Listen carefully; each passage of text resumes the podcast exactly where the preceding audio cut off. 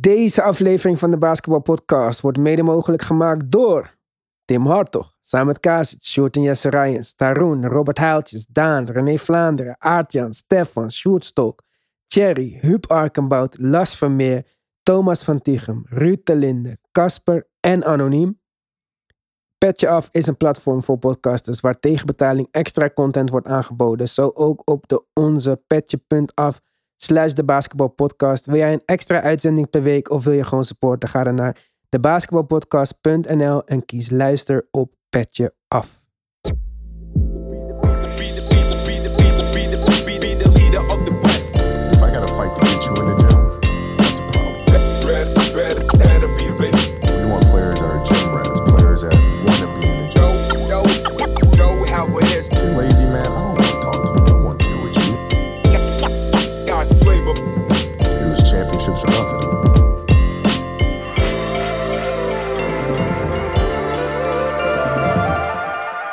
Welkom bij een nieuwe aflevering van de Basketball Podcast. Eigenlijk zou dit een eh, Boston thema uitzending worden, maar onze gast die daarover kan praten is helaas verkouden. We zien hem binnenkort in de podcast. Dus eh, ik dacht dat wij vandaag even een kijkje konden nemen naar het scoreverloop eigenlijk in de NBA van de afgelopen tijd. Er is natuurlijk veel over gezegd. Ligt het nou aan de nieuwe bal? Ligt het nou aan de, aan de fouten? Mensen zeggen, ja, het lijkt wel jaren negentig basketbal. Nou ja, dat vind ik natuurlijk heel erg leuk. En misschien Tim ook, omdat Zeker. wij even oud zijn. En dan is dat toch een beetje... Ja, je hebt allemaal een golden era, zeg maar, eh, in je leven. Maar voor jou is die golden era misschien heel anders. Dus misschien vind jij dit hele scoreverloop wel kut. Denk Nee, ik hou ook eh. eigenlijk meer van old school, hard defense. Maar nog steeds vind je LeBron James de beste speler. Het heeft mij gewoon nachtenlang eh, achtervolgd dat je dat hebt gezegd in onze petje af uitzending. maar, eh, maar goed, dus ik ben even in de statistieken gedoken. Mark is er niet, dus iemand moet toch het eh statistieke werk allemaal doen.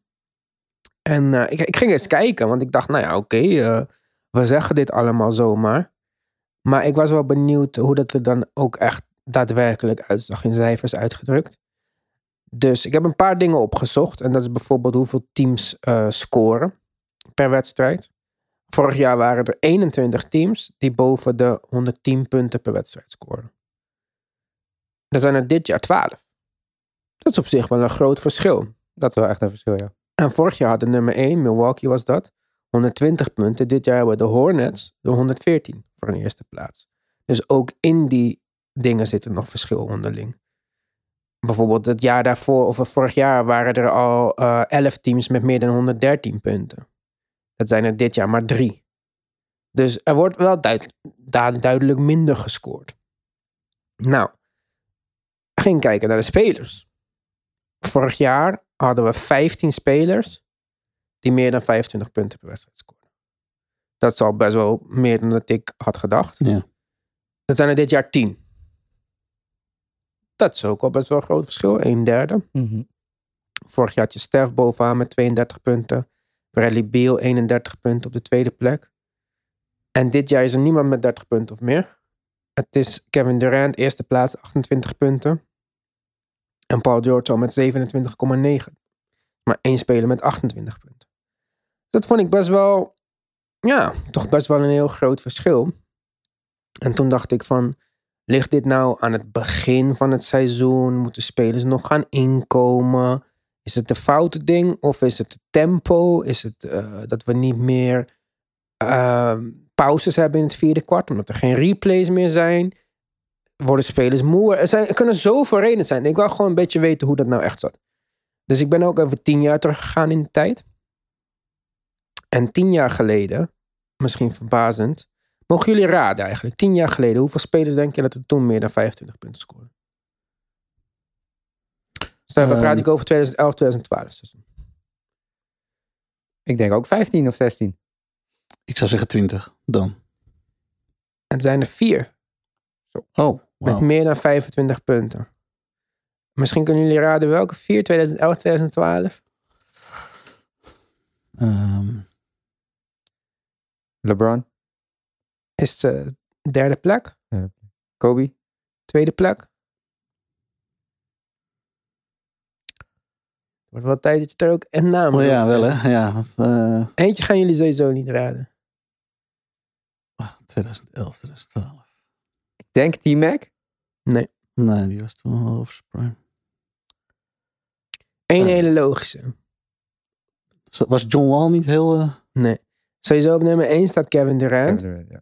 Die waren jullie even vergeten. Ja. Mhm. Ook toen met 28 punten. Ja. Dus die is gek consistent gebleven. Ja. Zal ik ook zo meteen nog in een andere stat eh, aantonen.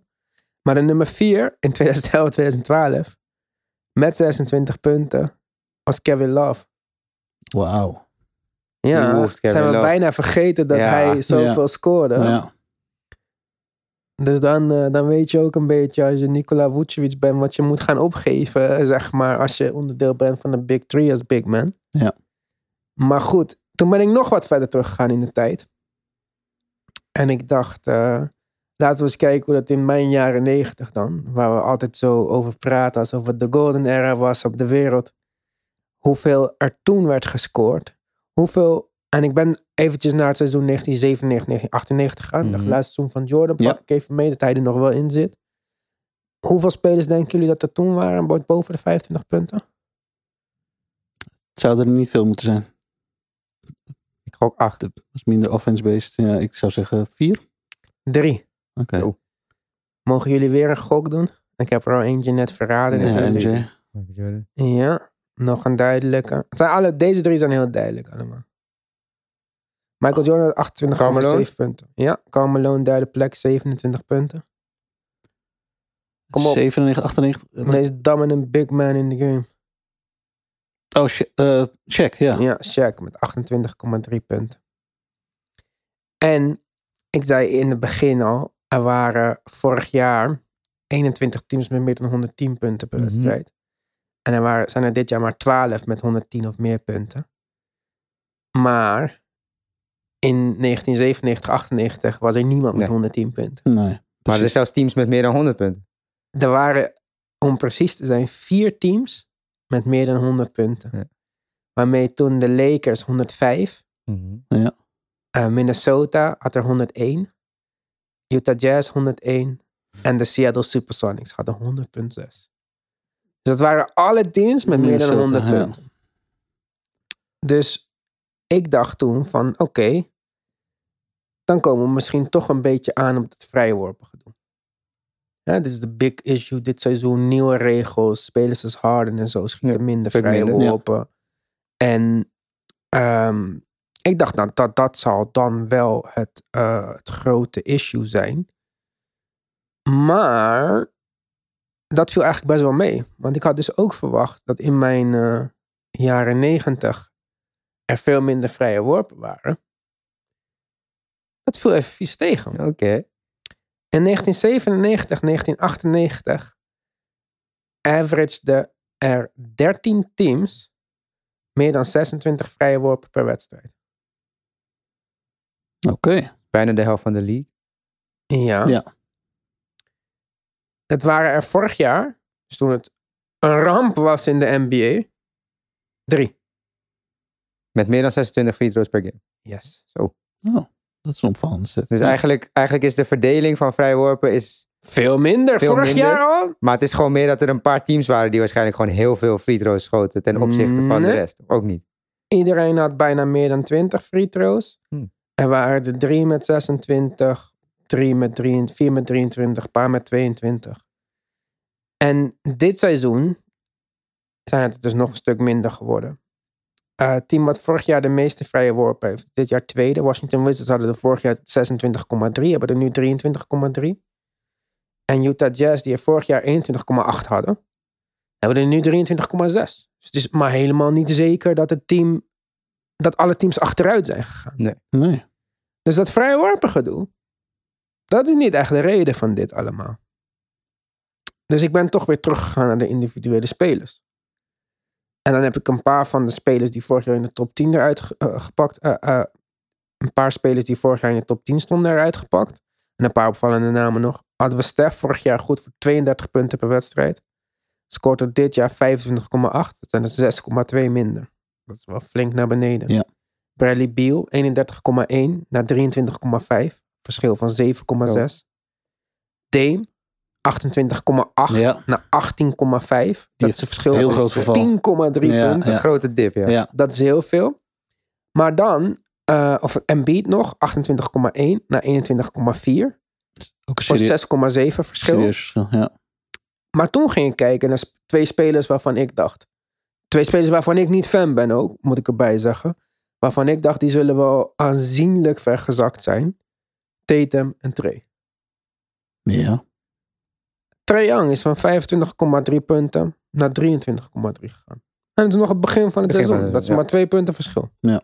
Jason Tatum, zogenaamd super slecht seizoen dit jaar. 26,4 punten naar 23,6. 2,8 verschil. Valt wel mee, toch? Gewoon mee Allemaal. zou je denken, ja. Hebben we Jannes. één punt minder dan vorig jaar. Dus die merkt er vrijwel niks van. En Nee. is ook nog niet op stoom. Precies. Dat zie je inderdaad wel. Een van de koplopers is ook natuurlijk Harden. Met 17,7 punten. Dit seizoen. En dat klinkt heel laag. Omdat je denkt nog aan Harden in de 36 punten. Ja. Maar die had vorig jaar ook maar 24,6 punten per wedstrijd. Dus eigenlijk valt het ook nog wel mee hoeveel die is gedaald. En dan hebben we Kevin Durant.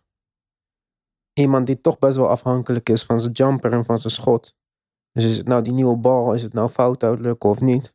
Maar hij scoort 1,4 punten meer dan vorig jaar. Maar ja, Dus de bal helpt hem juist, eh, zou je bijna denken. hij is constant genoeg. Misschien ja. kunnen we dat zeggen.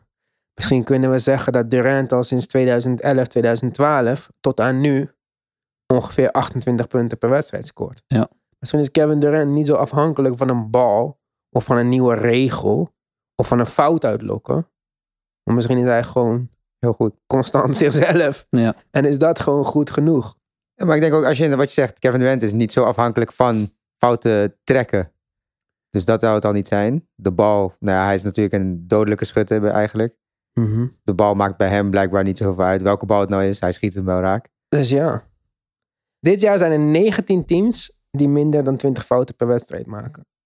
Dat was er maar eentje in 1997, 1998. Dit jaar maakt niemand meer dan 22,3 fouten per wedstrijd. Het waren er in 1997, 1998 17.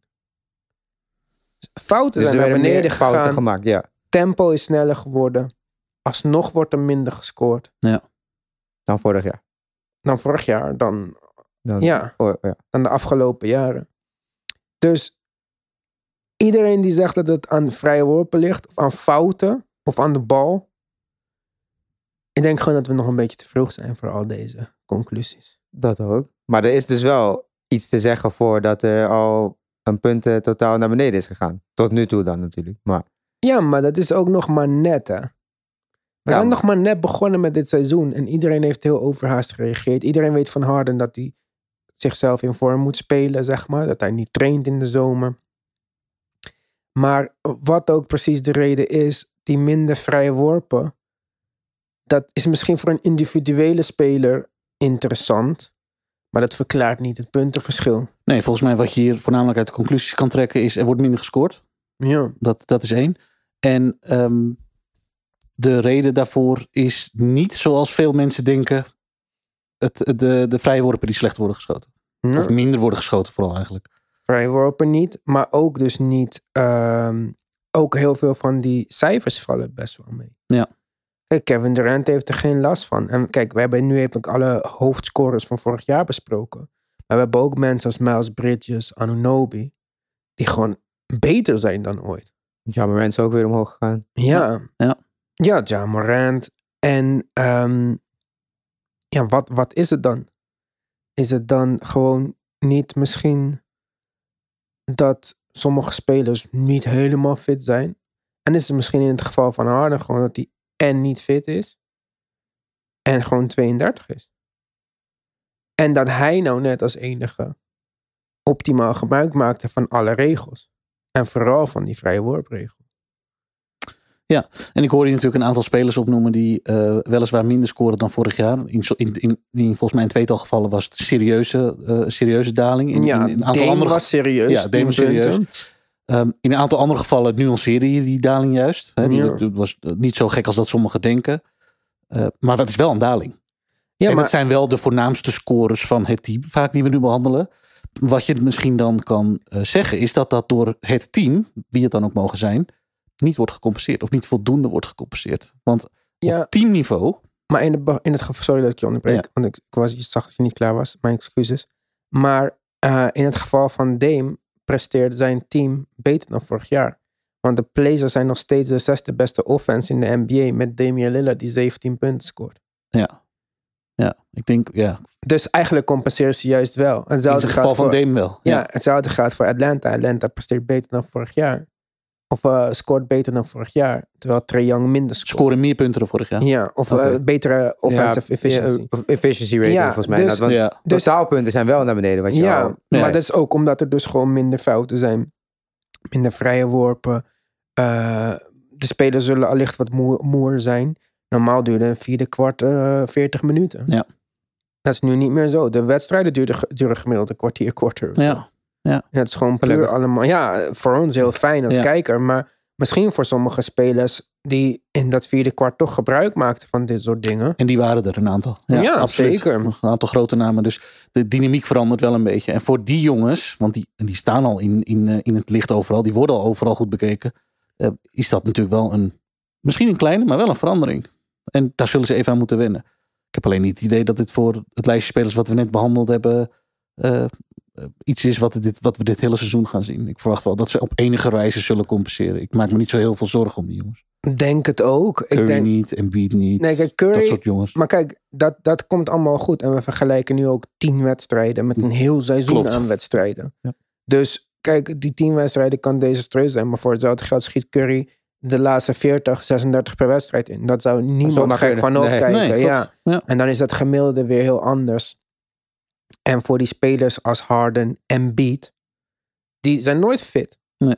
Niet in het begin dus, van het seizoen. Nee, dus die spelen, zeg maar, net als dat Shaq dat deed, zichzelf in Ze spelen zichzelf in vorm, ja. Dus het is helemaal niet zo gek om te denken dat die gemiddeldes nog best wel omhoog gaan.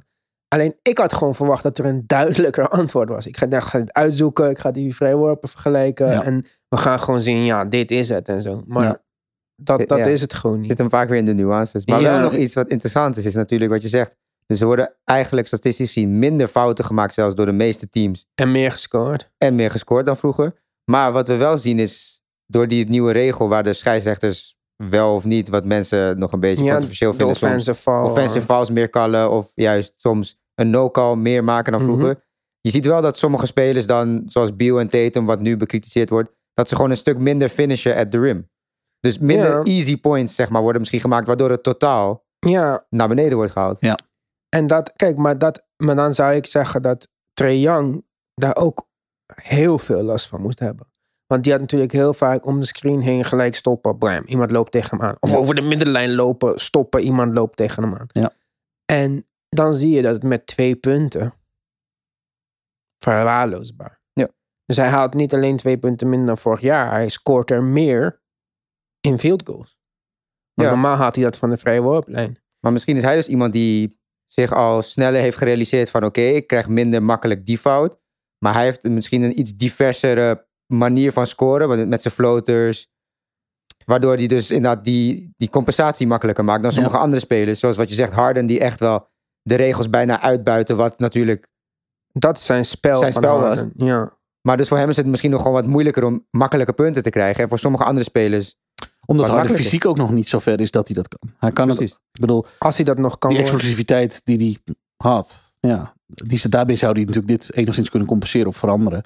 En daar is hij nu gewoon nog niet toe in staat. Als het al gaat komen dit seizoen. Maar vooralsnog in ieder geval niet. Kijk, Trae Young had vorig jaar 8,7 free throw attempts per wedstrijd. Zijn er dit jaar 5,8. Nog best wel veel. Uh, nog wel zou die league leading mee zijn. Maar vorig jaar schoot hij maar 17,7 keer. En dit jaar 20 keer.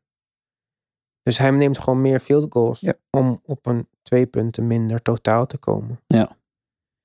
En niet vergeten dat Trae Young vorig jaar 25,3 punten had en het jaar daarvoor 29,6. Dus Trae Young scoort vorig jaar minder dan het jaar Maar moet ik wel zeggen, vorig jaar had hij natuurlijk meer een team om zich heen waarna hij de bal kon passen. Ja. Zou je denken, maar in het jaar van 29,6 punten had hij 9,3 assists. En het jaar van 25,3 punten had hij 9,4 assists. En in het jaar van 23,3 punten had hij 9,6 assists. Ja, oké. Maar assists zijn natuurlijk niet de enige stat voor pasen. Maar snap wel misschien meer bedoelt. hockey Ja. wat. Hockey Maar je ziet het niet. Het is een niet dat, ja, dat hij direct een, Nee. op een andere manier zijn team beïnvloedt. Maar inderdaad, het is meer een team geworden. Dat jaar van 29,6 punten was die niet in de buurt van de playoffs. En vorig jaar zijn ze natuurlijk heel ver gekomen Ja. in de playoffs. Dus bij al deze spelers is het denk ik een beetje, beetje afwachten. Kijk, ik heb het al in, ik weet niet of het, misschien was op een patch af uitzending dat ik zei van Harden gaat wel een nieuwe regel vinden om te buigen. Kijk, dit is zijn game. Hij gaat de hele offseason trainen op een step back. Die eigenlijk denken wij, dachten wij, in, als hij dat zou doen, nu in de jaren 90, tijdmachine jaren 90 en hij doet die step back. Ook al is het misschien geen lopen door die gather step en dit dat, maar het zijn twee passen. Ja. Hij was elke keer afgevlogen. Ja, hij was gewoon elke keer. En mensen hadden gewoon gekeken, wat, Wat wat? doe jij nou? Ja. Wat, wat was, wat Hij was was zelfs je idee? gebenched, denk ik inderdaad. Ja, Ja. stepback schiet. Ja, dus, en dat is gewoon iets wat hij heeft uitgebuit om beter te worden. En na hem bijvoorbeeld ook Luca aan de hand Ja, eh, van dat. En Tatum. En ook Embiid zelfs, die het in een super slow motion zelfs Ja. nog eh, doet. Dus het is een kwestie van tijd. En met zijn hoofd naar achter gooien als hij voor een lay-up gaat. Ja. En Embiid met die rip through move door een speler zijn armen. Iedereen heeft zo zijn trucjes om aan scoren te komen. En Embiid doet het. Als hij moe is, gaat hij gewoon tien keer posten. Gaat hij met zijn arm. Je kan het niet stoppen, die beweging. Dus het is denk ik ook maar een kwestie van tijd voordat Harden, weet ik veel, een eh, eenbenige driepunter ontwikkelt. eh, die, eh, waar hij nog meer separatie mee krijgt. Dus dat is even afwachten. Damian Lillard. Ik denk dat dat andere redenen heeft. Ja, dat denk ik ook. Ik denk dat die wel enigszins uitzondering vormt op deze regel. Niet alleen door het grote verschil, maar ook doordat we dat niet zomaar iets op kunnen leggen van. Als, zelfs als je naar hem kijkt. Ja, hij mist ze gewoon. Maar ik vind niet dat Lillard anders speelt dan die deed. Of eh, opeens zijn spel heeft aangepast. Of opeens hele andere dingen doet. Of in het geval van Biel. Een heel ander team om zich heen heeft staan. Want voor Biel is een team wat hij om zich heen heeft staan wel echt serieus veranderd. En het team werkt. En het gaat goed. Ja, dat is wel een Ja, belangrijk, is beter, ja. belangrijk gegeven. Ja. Dus voor Lillard vind ik het al een moeizaam verhaal, ja. Dat, dat, dat is wat lastiger te verklaren. Ik weet niet wat Lillard... Kijk, Lillard, mensen... Ik vind Lillard sowieso overrated. Even dat voor de duidelijkheid zeggen. Dat mensen niet denken... Of tenminste, mensen weten het al. Maar, dus misschien moet je mijn punt niet serieus nemen. Maar waar is Lillard nou echt goed in? In schieten. En dat is nu wat niet lukt. En dan zie je wat er overblijft als hij dat niet meer kan. Hij kan niet pasen. Of tenminste, kan niet pasen is overdreven. Maar hij is geen elite paser. Nee, Ik ben geen Trae Young fan, maar Trae Young kan duizend keer beter pasen dan Klopt. Damian Nee, Lillard. Hij is te klein om te kunnen verdedigen. En tenminste, ja, hij is net zo groot als Davian Mitchell, maar Of gewoon niet andere... geïnteresseerd genoeg. Ja, hij Ja. doet dat gewoon niet goed genoeg. Daarom is de backcourt van Portland altijd een probleem. Hij is niet zo gevaarlijk naar de ring toe. Als je minder fouten meekrijgt. Stel wat we zien met stel wat we zien met Harden. Ja, dat naar de basket gaan wordt minder aantrekkelijk. Want eerst was het de 50-50 kans als je je schot mist dat je alsnog een fout krijgt. Nu is het 80% niet en 20% wel. Ja. Dus hij is daar ook niet echt. Ja, ik, ik weet niet echt. Ik zie niet echt een manier. Als zijn schot niet weer gaat vallen. Hoe Damian Lillard iets nieuws gaat doen. Nee, dat zie ik ook niet. Ik zie het, nou ja, het is een beetje, misschien een beetje een slap excuus, maar voor, vooralsnog zie ik het gewoon als iets wat er in zijn hoofd zit. Ik, er on- ontbreekt ja, vertrouwen niet, want hij neemt die schoten wel. Het is ook niet zo dat hij echt dingen uit de weg gaat of zo. Nou ja, dat zal in sommige situaties gebeuren, maar over, de hele, gehele linie genomen zeker niet. En ehm, ik, ja, ik, ik wijd het vooralsnog gewoon aan, aan een shooting slump. Alleen dan eh, ja, zo'n beetje 2.0, want het is vrij heftig bij hem, vind ik. Ja, en de vraag is misschien waardoor die shooting slump veroorzaakt is. Hè? Ja, Met Portland's hele off-season die best wel eh, turbulent was. Turbulent, zeker. Ja. En de vraag is hoe hij nu eh, hoe hij speelt. En, eh, Turbulent, man. nou ja, de, de, de geruchten waren redelijk serieus dat hij, dat hij ging. En ik denk, hij heeft erkend dat hij met LeBron heeft gesproken. En met Eddie. En hij wilde Jason Kidd. En toen wilde Jason Kidd niet meer komen toen Ja. hij dat had gewoon zegt. Klopt. Hij bracht naar buiten dat hij Jason Kidd wilde. Die haakte op dat moment af. Ook heel bijzonder. Dus hij heeft, ja, het is allemaal moeizaam. En, en, en geen significante verbeteringen bij, eh, bij Portland, wat mij betreft. Ja. ja, Nou. sommige mensen denken, dachten inderdaad in het begin ook van... misschien is het een soort van eh attempt van Damian Lillard om te laten zien aan Portland... van ja, ik ben niet tevreden met wat jullie hebben gedaan. Klopt. Maar wat Ivan ook wel terecht zegt, is hij zegt wel zelf dat hij daar wil blijven. Ja, Maar ja, we hebben andere spelers ook eerder horen zeggen dat ze ergens willen blijven. En het volgende jaar zijn ze de deur uit. Ja. Maar hij heeft anders. wel nooit anders gezegd ook. Hè? En hij benoemt wel specifieke dingen. Dat hij zegt van ik wil Dirk, ik wil Jannes. Ik denk ook dat hij dat echt wil. Ja. Ja. snap je? Dat is iets anders dan zeggen van nee, ik, ik ben blij waar ik zit. En wat hij, kijk, dat artikel waar jij op doelde dat hij met ehm, LeBron en AD heeft gezeten. Kijk, als hij weg wou, dan had hij dat moeten doen. Zeker. Toch? Dus als hij dat op dat moment niet wou, dan denk ik niet dat hij na één maand nieuw seizoen gaat besluiten dat hij alsnog weg wil. En waar moet hij dan heen? Wil je echt naar de Sixers? Want dat, Op, dat op dit moment zien de Sixers er best wel goed uit, though. Een stuk beter dan Portland. ja, maar ja, gaat, zijn ze beter? Waarom?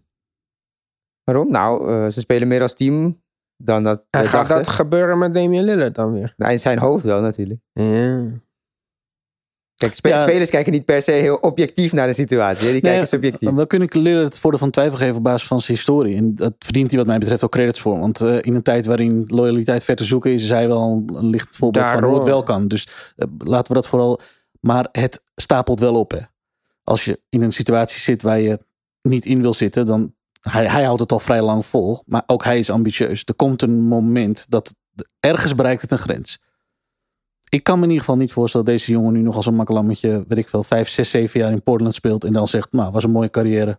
Ik vind het goed geweest. Nou, vijf, zes jaar kan hij niet meer spelen, denk ik. Nee, Want maar- hij is, Als hij niet meer kan schieten, niet, nee. nee zeker niet. Nee, maar maar even, hij is ook al 31, hè? Ja, Ja, nou ja, 36. Ik weet- de voorbeelden kijk, zijn er. Maar Ik weet het niet, hè, maar misschien klinkt het heel raak. Maar ik zou niet eh, Ben Simmons en vier picks geven voor een speler van 31 in een shootingslamp.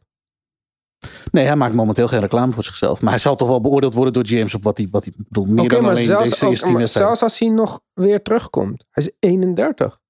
ja, maar ja, wat je ook zei. Maar als je Embiid's wil window winnen, is ja, nu. Embiid is, eh, je Dus nu Embiid ga je, ook, voor Embiid, je gaat niet een speler treden van oh, over vijf jaar zijn we goed. Nee, want dan had Simmons al, dan had winnen. Simmons al weg geweest. Ja. Want dan hadden ze gewoon jonge spelers kunnen halen. Van, Ja. kom, maar, kom maar door.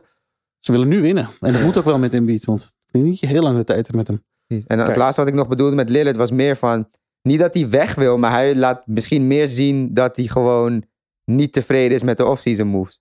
Maar misschien wil hij niet weg. Maar misschien wil hij dat ze andere. Misschien wil hij dat ze andere spelers gaan Weghalen. Zeker. Ja, dat, dat- zal zijn eerste optie zijn. Dat forceren, ja. Als Tuurlijk. hij kon, zou die CJ McCollum zelf hebben getrade, denk, Denk ik. je dat? Eh, ja. Ze zeggen wel dat ze goed zijn met elkaar, maar het is wat we zien, wat je ook zegt. Ze kunnen allebei eigenlijk niet elite verdedigen in de backcourt. En Lillard gaat niet opeens een elite verdediger worden. Dus dan zou je CJ McCollum moeten vervangen voor iets. En Powell moet naar de bank. Dit is een belachelijk idee. Weet ik niet, maar niet. Je kan niet een shooting guard als small forward spelen met twee kleine backcourt spelers. Nee, of Powell wordt dan de starting shooting guard en ze halen iets anders voor erbij. Een goede power forward. En dan moet weet. McCollum treden voor Ben Simmons. Dit eh, is echt de beste. eh, De trade die we al weken eh, Ja. voorstellen. Ja, ze hebben in Portland nu andere dingen aan hun hoofd. Dus eh, ik weet niet of ze heel... welke druk- andere dingen? Eh, er wordt een, is een onderzoek gelanceerd naar mogelijke... Oh ja, Neil Ja, Shea. Neil? Shea. Dus Mhm. eh, ja. Ik Dat is ook weer, want we hebben dan dit onderzoek van Portland. Ook dus de Suns, we hadden het er al even over gehad. Maar ik vergeet soms in welke uitzendingen het zijn. Dus misschien voor niet iedereen heeft dat nog gehoord. Maar de Suns, Robert Sarver, de owner, Ja. is al jaren natuurlijk rumors dat hij racistisch zou zijn, vrouwonvriendelijk. Nou goed, er is nu een, eh, een artikel gepubliceerd ESPN, ja, van Baxter Holmes, als Ja, ik me niet vergis. klopt. En die heeft daar heel veel mensen voor gesproken en zo. Ehm een van de spelers, of ex-spelers, ex-coach die zich heeft uitgesproken, is Earl Watson. Zo Watson, ja. En ehm, ja, tot nu toe zijn de aantijgingen ja, ja, serieus. Maar meer op het vrouwenonvriendelijke gebied. Daar waren een paar voorbeelden van. ja. En, eh, maar er is nog niet echt iemand geweest, behalve dan Earl Watson. En die, ik zeg niet dat het niet waar is of dat hij, eh, geen idee. Maar ook op het gebied van dat eh, racisme, zo, kan allemaal. Ik, ik weet het echt niet. Maar dan vind ik het wel typisch dat dat net het enige team is die als eerste een black jam had en een black coach. Als ik de eigenaar was, ik was racistisch, waarom zou ik dat doen dan? Allemaal voor de optiek? Zou kunnen. Ik zeg niet dat het is, maar, Ja, dat, maar- dat zou de mensen Ja. kunnen denken natuurlijk van... Oh, hoe is hij nou weer racistisch als hij James Jones aanneemt? Maar Dat had hij dan wel dat drie jaar geleden al bedacht dan. Hij kan best een uh, geniepig mannetje zijn, toch? Hij is ook miljardair ja. geworden op een manier. Ja, ja. maar eh, snap je, ik weet niet, ik vond het hem... Ik, kan allemaal, hè. ik weet het echt niet, want ik, ik weet het gewoon oprecht niet. Maar kijk, ook over die vrouwending. Hij zou ook uh, bijvoorbeeld een, vrouw, een foto in een bikini hebben verspreid van zijn vrouw. Volgens vrouw, mij. Ja. En lelijke dingen hebben gezegd over, of lelijke dingen. Mm, laten we zeggen, macho dingen hebben gezegd over uh, vrouwelijke werknemers en zo. Ja. En ik keur dat niet goed, hè. Maar ik ken ook een paar mensen die zo rijk zijn dat eigenlijk regels er niet meer toe doen. En die zeggen ook allemaal dingen die belachelijk zijn. Ik denk dat dat meer een soort van eigenschap is van superrijke mensen. Dat ze gewoon buiten de samenleving staan. En heel ongegeneerd. En ja, maar goed, de, de vraag is... Wie gaat wat tegen hun zeggen ja, dan? precies. Dat is het punt natuurlijk. En de vraag is hoe ver is dat gegaan? En als, als werknemers daar echt structureel last van hebben gehad... dat lijkt me dan nog wel wat belastender ja, maar... in deze zaak. Maar ja, goed, het was een artikel. Uh, volgens mij heeft hij meer dan 70, laten we zeggen, werknemers en ex-werknemers gesproken. Uh, ja, nu, gaan onderzoeken. Want eh, in het artikel worden vooral de onderwerpen kenbaar gemaakt. Die zijn serieus. Laten we dat, ik denk dat niemand het daarmee ja, oneens is. Maar geen bewijzen. Maar je kan nog, nu nog niks. Dus nou ja, dat, dit zal een lang onderzoek worden, denk ik. Ja, ze hebben James Jones gevraagd. En die zegt, ik weet niet. Hey, nee, James Jones werkt er natuurlijk nu nog. Ja, ja maar die zegt gewoon van, ik heb daar niks, nee, niks mee te maken gehad. Nee, klopt. Dus kijk, nogmaals, als het echt zo is en zo, uh, ja, doe wat je. Ik vind dat nog steeds raar, eerlijk gezegd, zelfs als hij fucking racistisch is en vrouwenvriendelijk, dat je gewoon iemand zijn team kan afpakken. Wat die zelf voor betaald heeft en al dat soort dingen. Ook al is het niet goed, hè? Dan vind ik, dan moet je hem gewoon schorsen. Levenslang mag hij niet bij een wedstrijd zijn. Een beetje dwingen om een team te verkopen, zeg maar. Maar gewoon iets afpakken omdat jij vindt dat ik iets heb gezegd wat niet in jouw smaak valt. Wat niet bij de wet verboden is. Het voorwaarden waarom je een ja, team ik denk, koopt, Ik denk dat de NBA wel een soort contract opstelt. Ja, ik vind het eigenlijk onzin. Nou ja, ja en nee, want ik bedoel, hij bezit het team. Weet je wel, bezit Zijn team. tussen aanhalingstekens. Maar de NBA bezit natuurlijk de NBA. Ik zou zeggen, ik ga en in Canada Phoenix Suns zijn onderdeel van de NBA. Ik ga in de Canada League spelen. Fuck jullie ja, Toronto, Mijn is, team. Toronto is de Canada League. ja, nee, nee, ze hebben Canada ook nog een basketball league. Maar, nee, maar ik snap het punt wel. Ik probeer gewoon een beetje advocaat van de tijd ja, spelen. Van, kijk, het, het is gewoon zijn team. En kijk, nu heeft iemand besloten dat je dus niet over een vrouw mag zeggen. Nogmaals, ik zeg niet dat ik dat goedkeur zo, maar dat je dus niet over een vrouw mag zeggen wat een lekker ding met zulke titel moet ze vast uh, iets goed kunnen of zo. Whatever, ik verzin maar wat. Maar wat is dan de volgende stap? Misschien over twee jaar mag je niet meer zeggen van. Uh, misschien over twee jaar is het genoeg reden om een team af te pakken als iemand zegt uh, vaccinatie is onzin. Of ik geloof niet in democratie. Of, ik mag ervan uitgaan, ik mag het hopen dat, dat die, die onderwerpen die we nu benoemen, dat die allemaal gewoon vastgelegd zijn. Dus dat die grenzen ook enigszins vastgelegd zijn. En dat ze straks, ze kunnen hem niet op um, aantijgingen straks een team afnemen. Er moet gewoon ergens een onderliggend document zijn met, ja, het is leuk, je hebt ooit een team gekocht. Dit waren de regels zoals we die hebben afgesproken. Daar staan deze onderwerpen in. Uh, we hebben nu aantoonbaar gemaakt dat. Want dat gaat het natuurlijk om. Hoe ga je dit aantoonbaar maken? Ja, maar ze kunnen iets vinden. Ze, ze kunnen iets vinden over iedereen. Ik, ik, ik, denk dat ik echt een vriendelijke persoon ben. Ik heb veel vrouwelijke uh, vrienden die uh, hopelijk mij leuk vinden. Maar je kan zeker vijf vrouwen vinden die kunnen zeggen: Iwan is echt klootzak. hoe hij vrouwen behandelt. En van iedereen. Ja, ja, maar dat is het verschil. Kijk, wat Tim bedoelt inderdaad is, ze proberen niet alleen iets te vinden, ze proberen gewoon echt zwart op wit. Daar gaat het nu om. Op video ja, ja, of maar je kan dat geluidsopnames van... te hebben. Zoals ja, okay, maar die geluidsopnames zijn niet. Het als dat nee, was geweest, nee, dan, was het al klaar geweest. Klaar. Ja. ja. En, nog en, niet, maar bij Donald Sterling waren ze er ook nog niet. Totdat nee, iemand het ging Ja, maar opnemen. daar het balletje ging rollen, toen die geluidsopnames er waren. Ja. Dit is een artikel, dat is, is verschenen. Er zijn heel veel mensen geïnterviewd. Daarom heeft het artikel gewicht meegekregen. Ja. En daarom komt er nu een onderzoek. Klopt. En het een praat de ander niet goed. Hè. Kijk, hij kan, hij kan met duizend mensen goed omgaan. Maar als er uh, daaronder 150 zijn die wel echt structureel last hebben van hem. Ja, dan kunnen we dat natuurlijk niet, niet onder tafel schuiven. Omdat er duizend zeggen, ja, we gaan prima met hem om. Maar ik vind het een lastig verhaal. Uh, in de zin dat we hebben het over uh, onderwerpen en we hebben het niet over feiten. En ehm, ik denk dat hier ook ik denk dat dit onderzoek ook nog echt nog lang niet klaar is. Hier, hier gaan we voorlopig weinig van horen, ja. denk ik. En ehm, als het uiteindelijk afgerond wordt, laten we dan conclusies trekken. En... Maar denken jullie dat het invloed heeft op het team? Want ik ze niet echt goed begonnen. we kunnen wel dat de spelers uh, intern natuurlijk erover aan het praten zijn. Wat ook invloed heeft op Phoenix, denk ik. Wat wel met Robert Sarver te maken heeft, zijn natuurlijk de contractsituaties. Ja. Ja. Als in DeAndre Ayton kreeg niet het contract wat hij wilde. Uh, Bridges hebben ze dan wel gesigned. Chris Maar Paul heeft een goed, Chris Paul, goed contract wel. campaign. Campaign heeft een goed contract, maar ja, Iedereen heeft goed betaald gekregen. behalve Ja, maar ik las ook dat, ehm, want eh, ik las het, dat, want, eh, hoe heet die guy? Ik las dat Raja Bell ook had gezegd dat hij een contractonderhandeling had gehad met Robert Sarver. En dat hij had, had gezegd van, ik wil een ehm, contractverlenging. Volgens mij heeft hij het ook in een podcast verteld, maar ik heb de excerpt gelezen. Zeg maar, Ja. de, en dat Robert Sarver zei, ja, ik vind ook dat je dat verdient, maar ik geef het je lekker niet of zo. Of ik geef hem je niet. Hij heeft, hij heeft een naam in de NBA. Hij, Ja, hij- maar kijk, met alle respect. Jouw business, jouw regels. En als, als ik Raja Ja. Bell ben en ik denk, oké, nou, dan ga ik maar extra goed spelen. Dan gaat hij me extra betalen. Of ik kan denken, nou, fuck jou, dan ga ik sowieso niet hier tekenen. Ja, ik vind het wel eerlijk gezegd een beetje... Ik vind dat er wel een soort van vrijheid moet zijn van hoe jij je bedrijf wil leiden. En als je dat als een complete bitch wil doen, ook goed. Meestal heeft het toch een negatief, heeft het toch negatieve gevolgen op de lange termijn. Klopt. En, en volgens mij is Phoenix daar ook een goed voorbeeld van verder. Want hij heeft dat in het verleden zo gedaan. Volgens mij zijn ze al jaren niet boven de, boven de luxury tax, of in de luxury tax geweest. Ja. Nou, dat, dat is een, een signaal, is een indicatie van, van zijn uitgavenpatroon. Eh, maar ook al daarvoor jaren niet, eh, in die jaren niet in de playoffs geraakt. Ja, oké. Dan, Ja, maar dus- dan, en, dan is dat dus- de keuze. En nu wel, en nu gaat het goed. En Ja. hij heeft drie van zijn spelers geresigned. Ja, Of tenminste, hij heeft het niet eens gedaan. James Jones is daarvoor verantwoordelijk. Maar Ja, goed, maar goed. eh, misschien heeft hij wel iets indirect betaalt hij natuurlijk. Ja, zeggen, hij hij betaalt ergens gewoon niet indirect. Hij betaalt ze Hij betaalt, direct. maar ik bedoel, Ja. indirect heeft hij Ja. invloed op de contracten. Ja, invloed. ja, ja, dus ja. we gaan zien hoe dat gaat uitpakken met DeAndre Ayton dan. De speler die niet. Maar ja, aan de andere kant. Kijk, ik ben fan van hè, En ik vind dat hij veel potentie heeft. En meer dan in ieder geval Mark en ik dat vinden. Ik weet niet hoe jullie erover denken. Over Ayton. Maar aan de andere kant.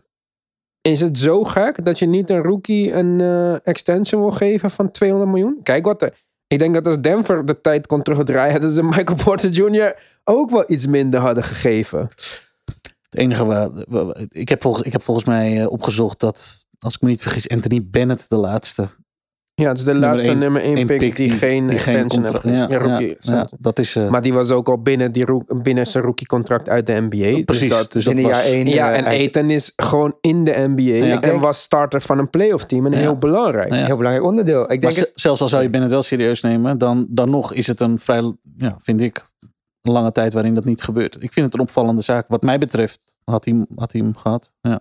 Ik denk Ik ook inderdaad, het gaat vooral om eten. Vindt natuurlijk dat hij op hetzelfde niveau is als de andere rookies Ja. die wel die extensions hebben gesigned. Ja. En hij is nu de enige in die groep eigenlijk die hem niet heeft gekregen. En die ook gewoon... Maar kijk, het ergste nog dat hij alles heeft gedaan wat van hem gevraagd is. Ja, Ja. En meer zelfs bijna. Ja, dus dat Met vind ik... succes. Met Ja. succes. Want die jongens hebben het allemaal Ze zijn in de ondertekend. finale ge- Waar, ja, waren, laten we die, niet waar vergeten. waren die? Ja. Finale En. Eten speelde finales, ja. Dus dat, ja, dus het- dat vind het ik cru, wel... ja. eh, dat, dat, dat vind ik wel dan... ehm, ja, apart. En mocht hij echt weggaan, dan hebben ze JaVale McGee en Frank Kaminsky als bigs.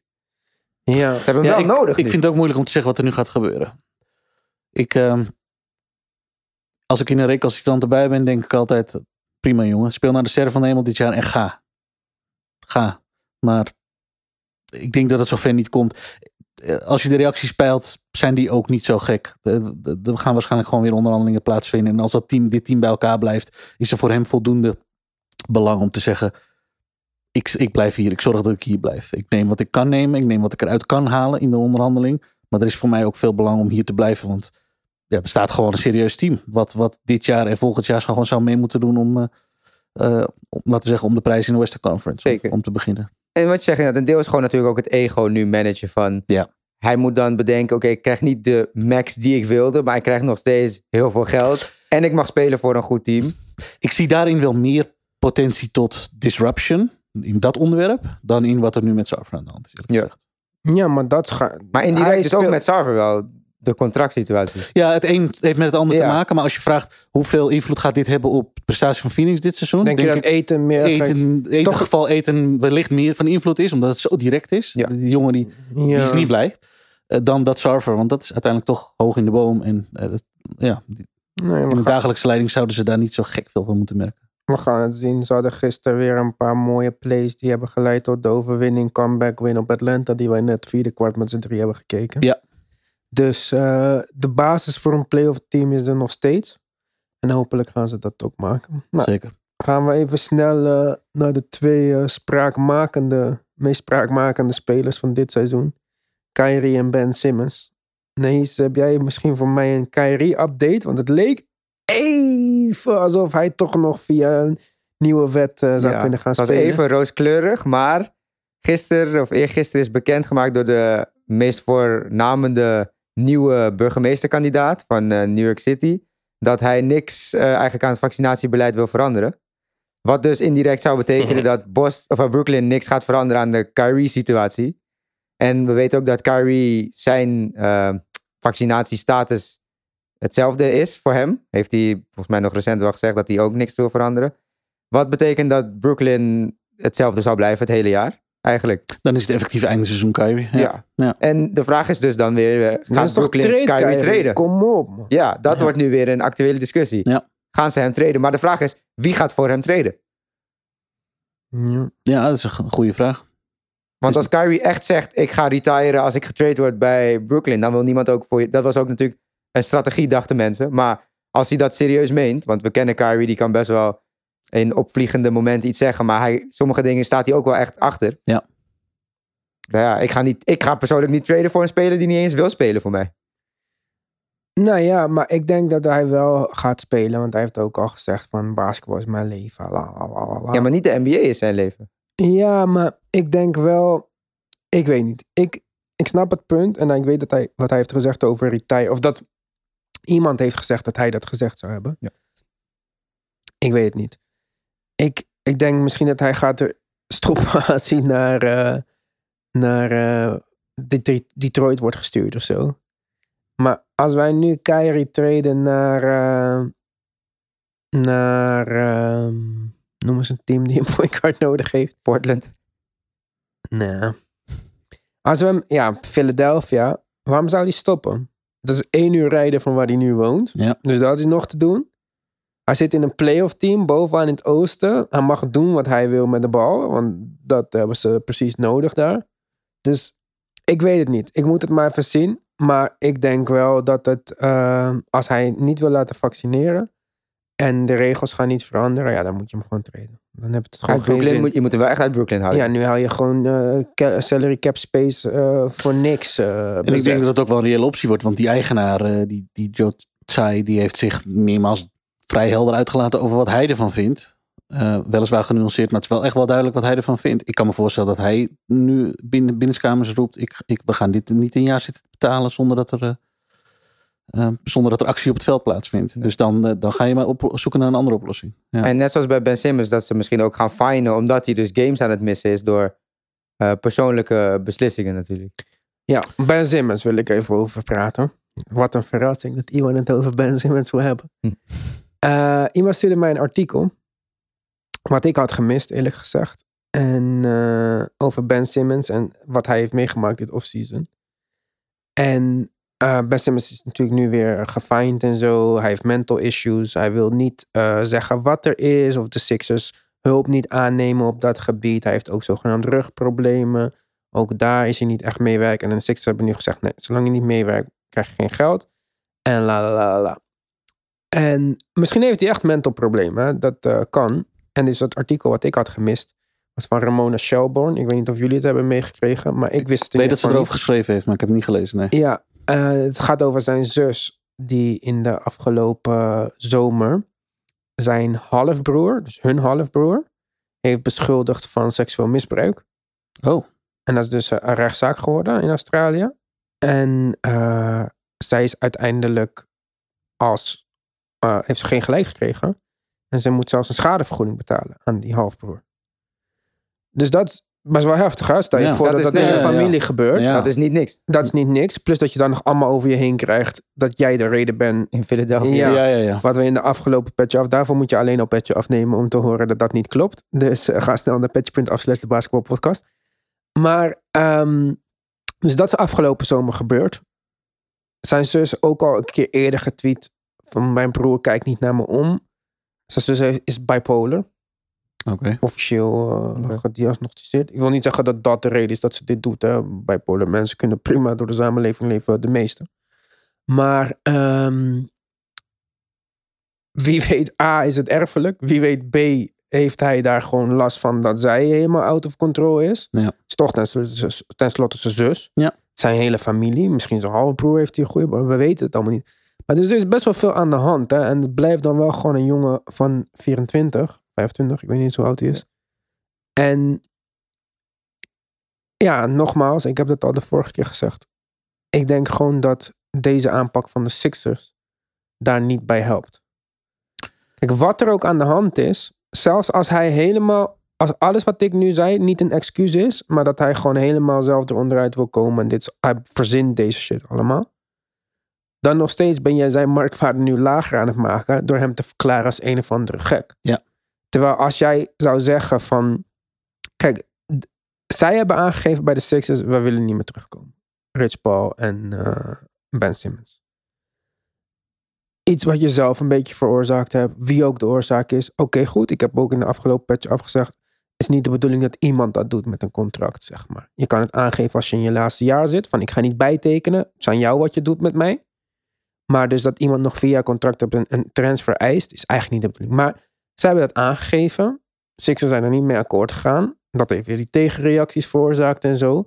En nu zijn we in een situatie beland dat hij maar dacht van ja, ik wil gewoon betaald krijgen. Dus ik zeg gewoon dat ik injured ben. Oké, injury kunnen, niet, kunnen we bewijzen. Dan zeg ik maar dat ik mental health problems heeft, als het zo is. Maar door hun, voor, voor hen, om nu te gaan zeggen van... Ja, maar nee, je werkt niet mee. Da, je, je zet hem nu, maak je hem echt een probleemkind.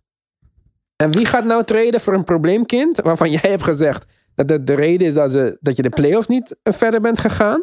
Dat je niet weet of hij een point guard is voor een startend team. En hij heeft nog mental issues. En dit heb jij allemaal naar buiten gebracht. In dezelfde en jij denkt En jij wilt Damian Lillard terug hebben voor dat. Dat is toch heel dom? Ja, dat, dat, dat is volslagen idioot gebleken. Maar dat heeft hij denk ik zelf ook wel ervaren. Ze drijven het nu duidelijk op het spit. En ze, ze, ze zijn nu gewoon bezig om te forceren dat hij... Ze willen hem eigenlijk het liefst terug hebben. En dat heeft niet, niet zozeer ermee te maken dat ze hem echt graag terug willen. Maar dat het wat mij betreft de enige manier is waarop je iets van value kan creëren. Ja, maar Tim, nee. Sixers staan eerste in de NBA. Op het moment dat hij terugkomt en ze verliezen drie wedstrijden achter elkaar, dan hebben we dus al dit. Plus dat hij maakt het team slechter. Ah, je, brengt hem, je brengt hem niet terug met een half uur per wedstrijd. Je brengt hem niet terug als. Je, voor zover dat kan in Philadelphia, bouw je dat enigszins op. Laat je die jongen tijd meetrainen. Dat, dat, dat, ik weet, ik je, gaat hem, je gaat hem voor zover niet dat ik er fan van ben, niet dat ik deze manier nu propageer, maar ik zeg het alleen maar omdat ik zie geen andere manier. Ik wil eieren voor je geld kiezen. Ja. Nou ja en dat is dus dat is in de Ja, damage control basically. Ja, dat heeft Daryl Morey nog nooit gedaan. Ja, dat maar, is ook waar, maar... Daryl Morey heeft wel de Houston Rockets ook achtergelaten in puin. Ja. Ja, maar dus, wat Tim zegt, hij heeft het dus daar ook niet gedaan. In ja, dat maar ja. Dus, hij heeft gewoon gedacht, ik uh, ga weg. Ik vind in dit geval zou ik als eigenaar dat van luister het is mijn, een van mijn prime assets. Ben jij nu gewoon aan het verminderen van waarde? Ik zie geen reden, behalve wat jij zegt. Langzaam trainen, langzaam spelen. En dat hij terugkomt in de playoffs, het beslissende drie punten raak schiet. En dat iemand denkt, ja, oké. Maar deze kans is zo klein. Ja, dat, dat dus wat ben je nu aan het doen? Waarom wil je niet... Ja, het is fucked up dat je alleen maar CJ McCollum terugkrijgt. Of het is fucked up dat je Ben Simmons moet geven plus twee first round picks voor Jalen Brown. Bijvoorbeeld. Maar ja, vriend. Ik weet niet zeker of hij over een jaar, over een jaar meer waard is. En dat kan jij ook niet weten. Dit is eigenlijk Isaiah Thomas die op zichzelf gokt. Ja. Voor hetzelfde geld over een jaar moet jij gewoon een pick geven van zijn vierjarig nog contract af te komen. Want zo erg kan het ook worden. Kan heel uh, nagaan worden. Vooral als hij het hele jaar niet speelt. En in de playoffs niet speelt. En je gaat nog twintig dingen erbij verzinnen waarom hij niet goed is. Ja. Dan moet je zometeen een pick opgeven. En moet je één pick geven voor met Ben Simmons voor Kevin Love. Is ja, dat nog een goede deal? Om van hem af te komen. Ja, bijna, dan is dat nog een goede deal. Wil je echt daarop wachten? Want dat kan ook een uitkomst zijn. Dat is in theorie een uitkomst, ja. ja. Ik vind het gewoon dom. Oh, maar ik Van ben het alle- ook zeker niet eens met, met de manier waarop dit gaat. Zeker niet. Nee, ik denk dat voor beide partijen nu een strategie gekozen is, of gekozen wordt, die iets, het zichzelf in de weg zit. Ja, en Dus- dat, dat is geen zaken doen. Nee, Nu moet je... Kijk, het is leuk. Je kan alles zeggen wat je wil. Je kan speculeren wat je wil. Ben Simmons is niet professional, whatever. Maar dat is allemaal al geweest. We zijn nu in een situatie die je nu moet oplossen. Ja. Dus beter ga je het oplossen. Maar ten meer, ten meer omdat Philly het goed doet. Kijk, je hebt niet te maken met een of ander team wat aan het rebuilden is, waarvan je zegt, we, dat komt wel goed, ga maar lekker op de bank zitten of doe maar wat je wil. Er wordt gepresteerd daar. Er is echt, ze, zien nu, ze hebben nu een window waarin ze denken dat ze meedoen in het oosten. Ja, op zijn minst. Ik zou, zelf, ik zou alles accepteren. Brandon Ingram. eh, CJ McCollum. eh, weet ik niet wie nog meer. Fultz terug. Whatever. Eric Gordon en eh, Christian Wood. Huppakee. Zo, Het ergste is nog zelfs, ja. wat je zegt, dat ze moeten sowieso even echt snel gaan traden om zoveel mogelijk nog terug te krijgen. Maar wat Tim ook zegt, Philadelphia presteert op dit moment. En hoe langer ze goed presteren zonder Ben Simmons, hoe meer mensen ook gaan denken, oh, Dat is misschien ben je gewoon beter als Ben Simmons er niet is. Er is en wel die jongen heeft een probleem. En die jongen heeft mentale problemen. Ja. En hij is geen eens een startende point guard volgens zijn eigen team. Ja. Oh, ik denk dat ik Damian Lillard ga geven voor hem. Wat is dit voor tombo Ja. eh, move? Je hebt nul leverage als je nu gaat onderhandelen als Nee. Zijnde. Nul. Daar- want eigenlijk, ze moeten nu blij zijn met Eric Gordon en eh, Kevin Christian Porter Wood. Jr. Of Kevin Porter, Niet ja. Christian Wood mag je niet eens meer krijgen. Ja, en dan moeten ze blij zijn. Misschien, en zij willen geen picks, maar neem nog maar twee picks. Als ze nu... Ja, mooi, je kan toch wel een pick weer veranderen in iets anders, ja. Ja, maar daarom, geef, geef Eric Gordon en iemand salary filler twee first round picks. En dan treed je Tobias Harris of zo met twee first round picks voor een betere speler. ja. Want die is nu meer waard dan... eh, maar goed, genoeg Ben Simmons. Mensen worden gek van mij. Ik wil even een snel eh, rondje doen. Want wij gaan natuurlijk veel te vroege voorspellingen maken. Ja. Wij overdrijven altijd graag. Maar net als eh, dat we erachter zijn gekomen dat die vrije worpen allemaal niet zo'n big deal zijn, komen we hier vast wel een keertje op terug. Nee, is coach van het jaar. Tot nu toe. Tot nu toe? Ja. Nou ja, eigenlijk dan Doc Rivers, gek genoeg. Omdat Philadelphia toch wel echt presteert op een andere manier bijna dan dat ze hebben gedaan. Dus je ziet wel dat er wat veranderingen zijn gekomen. Of ze zo hoog blijven staan in de standings, weet ik niet. Maar ik denk als Philadelphia een one of two seed wordt in de East met alles wat er gebeurt, dat Doc Rivers wel een serieuze kandidaat kan zijn voor Coach of the Year. Oké, Tim. Spoelstra.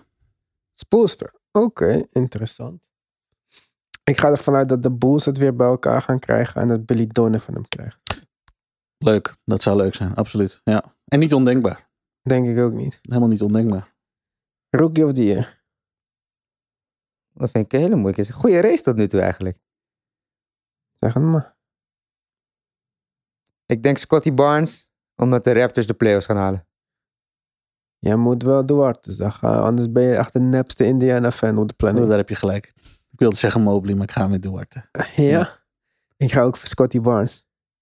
Ik denk dat die echt eh, iedereen verrast ook. En ja, nu, als- nu al. dat Kate en Jalen Green een beetje underperformen en Cleveland gaat wel weer zakken, heb ik alle vertrouwen in van deze planeet. Ik ben wel echt benieuwd wat er gebeurt als Siakam terugkomt. En wat dat voor hem, voor Barnes, echt de- voor zijn cijfers daarom moet- betekenen. wij, maar wij hebben net een half uur voor de uitzending geprobeerd Siakam te treden. Dat gaat Lastig. niet worden. Nee, Dus, dan eh, kunnen we ook weer zien wat Nick Nurse eh, voor raars eh, uit zijn ja, toverhoed ik, tovert. Ja. ik zie wel deze. Want kijk, Achua, die start. Of wie? Ja, Ja, start Achua Achua. start als ja, Die is net zo groot als Pascal Siakam. Hè? Dus het is niet alsof eh, die grote echt het uitmaakt. MVP. Kevin Durant. Joel Embiid. Jokic. Ik wil even een statistiekje met jullie delen. Heb ik al eigenlijk met jullie gedeeld, maar dan wil ik het even met de mensen thuis delen. Jokic, enige speler die zijn team leidt in points per game, assists per game, rebound per game, steals per game, blocks per game, three points made, three points field goal percentage. Uh, of three point percentage. Field goals made, field goal percentage. Free throws made, free throw percentage. En dat is ook gelijk de enige speler in de geschiedenis van de NBA die dat heeft gedaan voor een team. En hij leidt de hele NBA in alle advanced stats. En zijn PER van 34,7 zou de hoogste aller tijden zijn. Ja, ik Dus- moet zeggen, als Jokic-fan hoop ik ook dat hij het nog een keer krijgt. Echt enorm. Maar ik zijn. weet bijna zeker dat die NBA-stemmers hem het niet gaan gunnen. Een back-to-back MVP.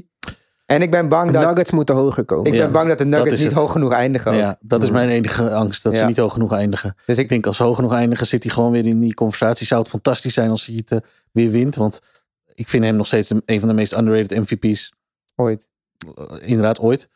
Dus eh, het zou mooi zijn. Ja. Op basis van de statistieken verdient hij het in ieder geval. Ja. Zoveel is duidelijk. Ik vind zelfs dat je kan arguen nu dat het eigenlijk tussen hem en Kevin Durant is voor de beste speler op de planeet. Persoonlijk gezien, hè? Ook met stats hoop die eh, erbij... LeBron-fans die daar anders over denken. Nee, maar ik ben ook een eh, LeBron fan. Maar ik vind LeBron dit jaar echt niet een van de top eh, twee, drie spelers op de planeet. Of in de NBA dan. Ik vind echt Jokic, KD, En wie dan? Derde? op dit moment. Ja. Steph leidt de Warriors wel naar een hele goede record nu. Maar bij hele slechte eh, averages. Hij heeft wat minder punten, maar als je de Warriors kijkt, zie je wel dat Steph wel nog steeds echt de drijvende kracht is van het hele team. Dus Hm. hij verdient wel gewoon nog steeds wel Er zullen respect misschien af. wat uh, Jannes-fans zijn die uh, plek, Jannes tot dit, plek aan de ja, tafel willen. qua mag, punten ik, mag ik een gekke iets zeggen? De Rozen? voor MVP? Of voor, voor, voor beste speler? Ja, nee, ja, MVP race beste speler. We praten over hetzelfde dit seizoen, toch? We praten wel over hetzelfde, maar we weten altijd dat MVP niet altijd naar de beste speler gaat. Ja, maar de Rozen. Als, stel je voor dat de Bulls top 4 eindigen in het oosten. En hij blijft dit average. Ik ben een enorme DeRozan fan, maar ik, al, ik zie hem niet zo snel als MVP.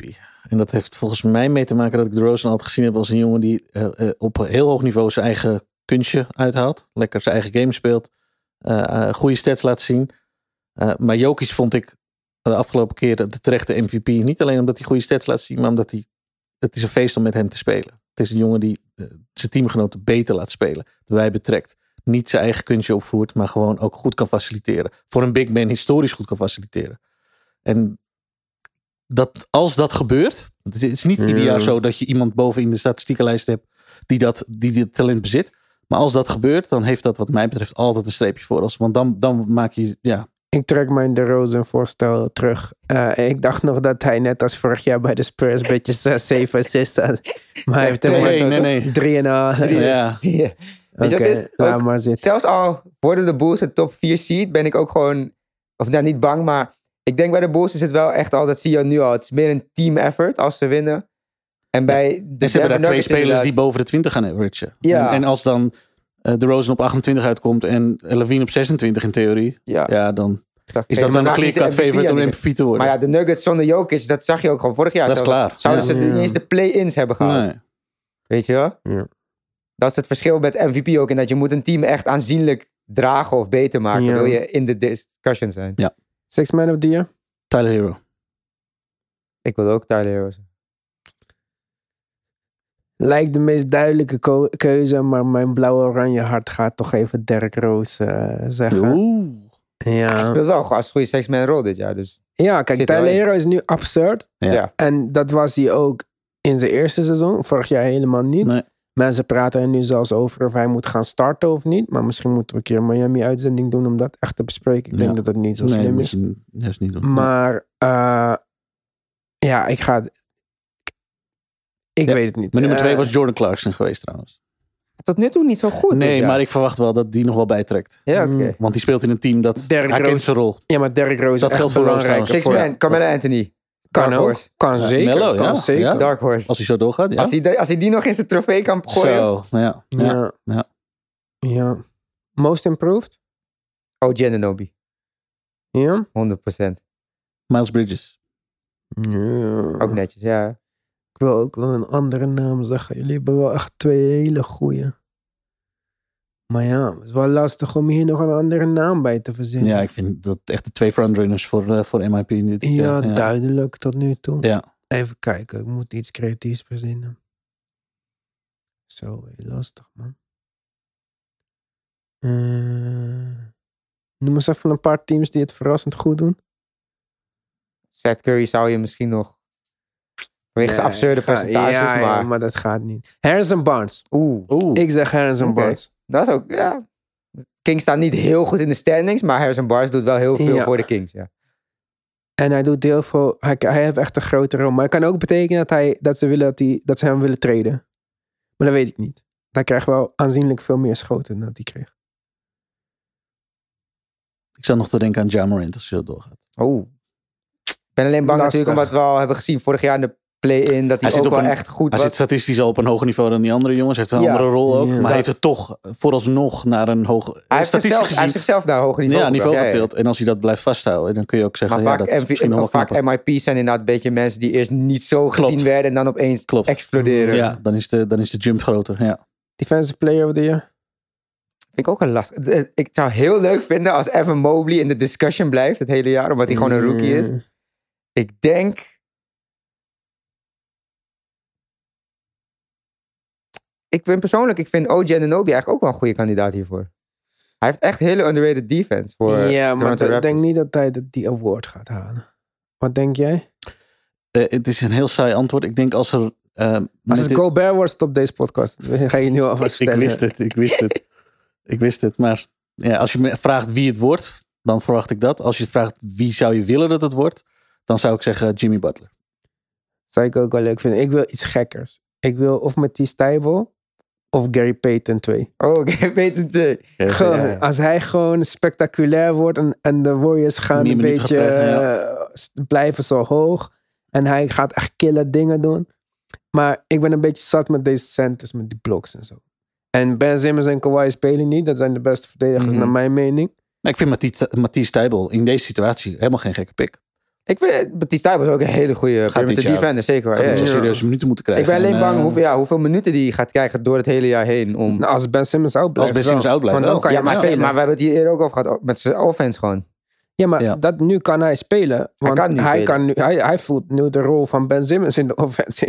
Iets minder dribbel. ja, nee, maar ja, in de halfcourt ja, offense. Klopt. Gewoon niks doen. Dus eh, dat kan hij prima doen. Alleen als Ben Simmons terugkomt, ja, dan kan je, je kan niet hem en Ben Simmons in de backcourt hebben. Nee. dat is Nee. gewoon niet Nee, dat werkt echt niet. Nee. Dan is qua spacing dan heeft Embiid gewoon 12 turnovers. En nog een laatste award. Meeste turnovers alle tijden in een jaar. We weten al wie jij gaat zeggen. ja, goed, dat was een grapje. Een stomme grap voor alle Westbrook-fans die eh, niet blij hebben gereageerd toen ik eh, van de week eh, twee posts achter elkaar heb gemaakt. Goed, we zitten alweer over een uur. Het gaat altijd snel. Bedankt voor het luisteren. Van de week zijn we weer op Petje Af. Petje.af slash de basketbalpodcast. En eh, voor nu wens ik jullie een hele fijne ja, werkdag waarschijnlijk. Voor ons was zondagavond, maar eh, mensen luisteren dit waarschijnlijk op maandagochtend.